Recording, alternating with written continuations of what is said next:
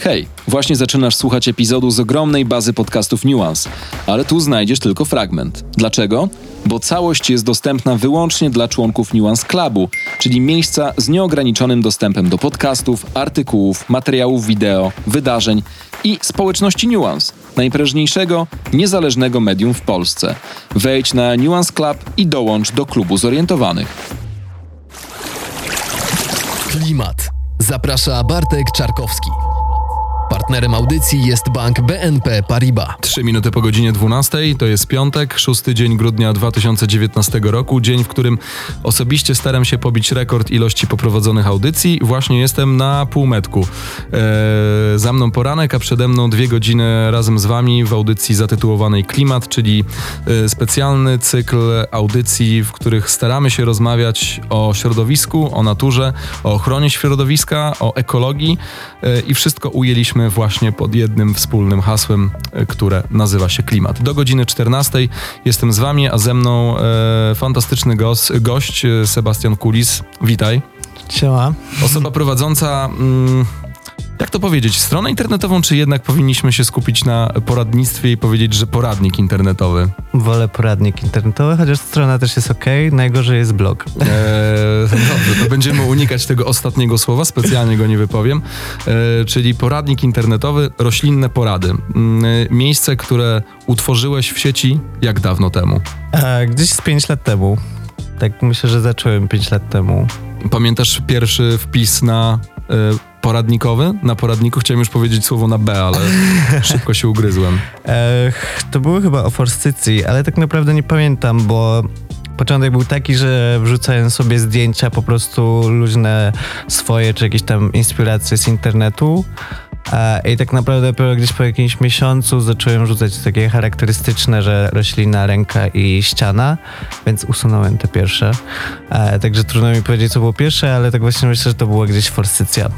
Takie żółte kwiaty na wiosnę. Okej, okay, a wrzuciłeś e, te forsycje z powodu... Yy wykształcenia, o czym pewnie za chwilę porozmawiamy, czy z powodu y, fascynacji roślinami, czy po prostu to było y, ładne ujęcie i postanowiłeś się nim podzielić? To było ładne ujęcie i było te... Znaczy, zależało mi na tym, żeby jakoś podkreślić samą roślinę, żeby było widać ją, ponieważ właśnie to, to, przeszkadzało mi w tych zdjęciach, że one były za bardzo ogólne.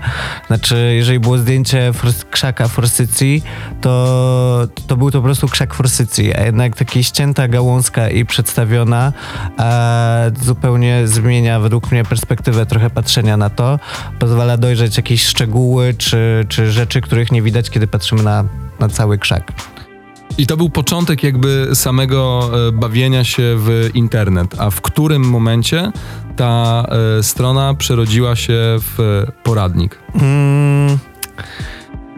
To było dosyć szybko. W sensie wydaje mi się, że w ciągu roku tak naprawdę przybyło mi parę tysięcy obserwujących. E, I, I tak naprawdę. Tu już rozumiem, mówimy o kontach e, na social mediach, czy. Tak, tak, tak. A znaczy, bo ja zacząłem wszystko sobie najpierw wcześniej, nim w ogóle to zacząłem, spisywać po prostu w zeszycie. E, wszystkie okay, czyli był plan. Tak. Znaczy, nie miałem planu, żeby zakładać stronę tak naprawdę i to w ogóle jest jakiś przypadek i to, to że jest popularne i tak dalej, bo po prostu czytałem dużo książek i, i właśnie startując ze swoim ogrodem i denerwowało mnie to, że mam pięć książek i w każdej jest albo napisane co innego, albo jest po trochę informacji. E, to, że na przykład w książkach kucharskich, też ogrodniczych znalazł, byłem w stanie znaleźć jakieś tipy kucharskie. No i żeby tego wszystkiego nie, nie zapomnieć, zacząłem sobie spisywać to w zeszycie. Potem ten zeszyt był za bardzo pomazany, pobazgrolony, więc stwierdziłem, ok, może to będę sobie spisywać w internecie, gdzie łatwiej jest to edytować, a może przy okazji się komuś przyda. No i się przydało. I ruszyło. Ale poczekaj, bo to był ciekawy, e, ciekawy wątek. To znaczy, że są książki, które opisują daną roślinę i wzajemnie się wykluczają? Mm, czasami tak, czasami tak. E, szczególnie jeżeli bierzemy książkę współczesną, a książkę z lat 70. Mm. Jesteś w stanie podać jakiś taki bardzo e, prosty a jednocześnie jaskrawy przykład na to, e, jak zmieniło się patrzenie na e, daną roślinę na przestrzeni dekad? Mm, to znaczy, może bardziej na chwasty. Na przykład ja, ja jestem takim e, fascynatem chwastów i to, że na przykład właśnie kiedyś we wszystkich książkach ogrodniczych było wyrywać, usuwać, palić randapem i po prostu chwasty to zło, a dopiero teraz zaczynają się wszystkie ruchy takie ekologiczne, permakulturowe, które e, mówią o tym, że chwasty muszą być, ponieważ są częścią ekosystemu i jeżeli usuniemy je, to, wszyscy, to na przykład wszystkie owady, które normalnie by jadły te chwasty w naszym ogrodzie, przerzucą się na nasze warzywa. Więc y, lepiej je zostawić. I, I to jest jeden z takich przykładów, że też na przykład To sporo czasu nam zajęło dojście do dość oczywistej prawdy, bo to Tak. myślę, że odnosi się nie tylko do świata roślin, ale do każdej innej gałęzi. Właśnie to, co ja próbuję bardzo przeforsować, a, a jest trudno. Na przykład samym przykładem jest moja babcia, czyli właśnie, że e, zostawiać te, te ogrody, tą naturę jak najbardziej nienaruszoną, raczej ją wspierać, a niestety takie podejście tego mm, pokolenia babci, rodziców, mm, to jest coś takiego, że traktuje się ogród trochę jak kolejne pomieszczenie domu, czyli musi być wysprzątany idealnie, po prostu żeby był sterylny i najlepiej, żeby to był trawnik, Konkurs na, przycięty. naj, konkurs na najładniejszy ogródek, no. No tak, tylko że właśnie ogród nie jest mieszkaniem. Jeżeli im bardziej będzie sterylny, im bardziej będzie po prostu uporządkowany, bez gałązek, bez chwastów, to będzie bez życia, a jeżeli będzie bez życia, to, to, to sobie nie poradzi. I z czasem będziemy musieli coraz więcej pieniędzy, wysiłku, e, pracy i, i w niego wkładać, wpychać, żeby, żeby go w ogóle utrzymać przy życiu. Mm, a ja właśnie się staram pokazać, że jeżeli go zostawimy samemu sobie, to on jak najlepiej sobie poradzi sam. My możemy go tylko wspierać i pokazywać mu drogę, którędy może rosnąć. O tym, jak e, ogrody przydomowe, ogródki działkowe, a może nawet e, na dachach, co popularne, e, albo mm, na balkonach, mogą pomóc nam w zmniejszaniu śladu ekologicznego, jeśli to jest w ogóle jeszcze możliwe. Porozmawiamy pewnie w dalszej części klimatu, ale teraz cofnijmy się do początku. Dlaczego rośliny i w którym momencie Twojego życia one się pojawiły? Znaczy od początku, w sensie od zawsze interesowałem się naturą, ale zawsze to były tak, znaczy do powiedzmy wieku gimnazjum, liceum to były bardziej zwierzęta. Miałem bardzo dużo książek o zwierzętach, wszyscy kupowali mi książki o zwierzętach i zabawki zwierzęta I i, myśleli, tak że dalej. zostaniesz weterynarzem. Oczywiście. Ale no mi się bardzo nie podobała chemia. Nie, nie miałem zamiaru się jej uczyć. Mm, więc, więc nie poszedłem w tę stronę i tak naprawdę moje liceum było zupełnie o czym innym. Potem studia, których nie skończyłem, jedne i drugie też nie było Czyli nie, nie byłeś w klasie przyrodniczej. Nie, nie, byłem w klasie prawniczej, więc trochę z innej strony. E, ale tak naprawdę właśnie po skończeniu liceum i po pójściu na studia, na które chciałem e, iść przez całe liceum, a była to filologia romańska i poszedłem tam na pół roku i po pół roku stwierdziłem, że nie, w życiu. I to, to nie jest to. I zacząłem się zajmować tym, co sprawiało mi przyjemność, czyli e, gotowaniem, bo wtedy też już e, w tym czasie pracowałem w różnych restauracjach, kuchniach i tak dalej. Odchodziłem od jedzenia mięsa, więc też naturalnie szukałem jakichś kolejnych warzyw, roślin, które też można zjeść. E, a przy okazji właśnie też miałem tak, że na przykład byłem w ogródku i nie wiem, mam marchewkę, i wiem, że musiałem na tą marchewkę pracować 5 miesięcy i nagle się okazuje, że co mam połowę z niej wyrzucić, w sensie, że mam natkę i korzeń i także co mam połowę tego wyrzucić.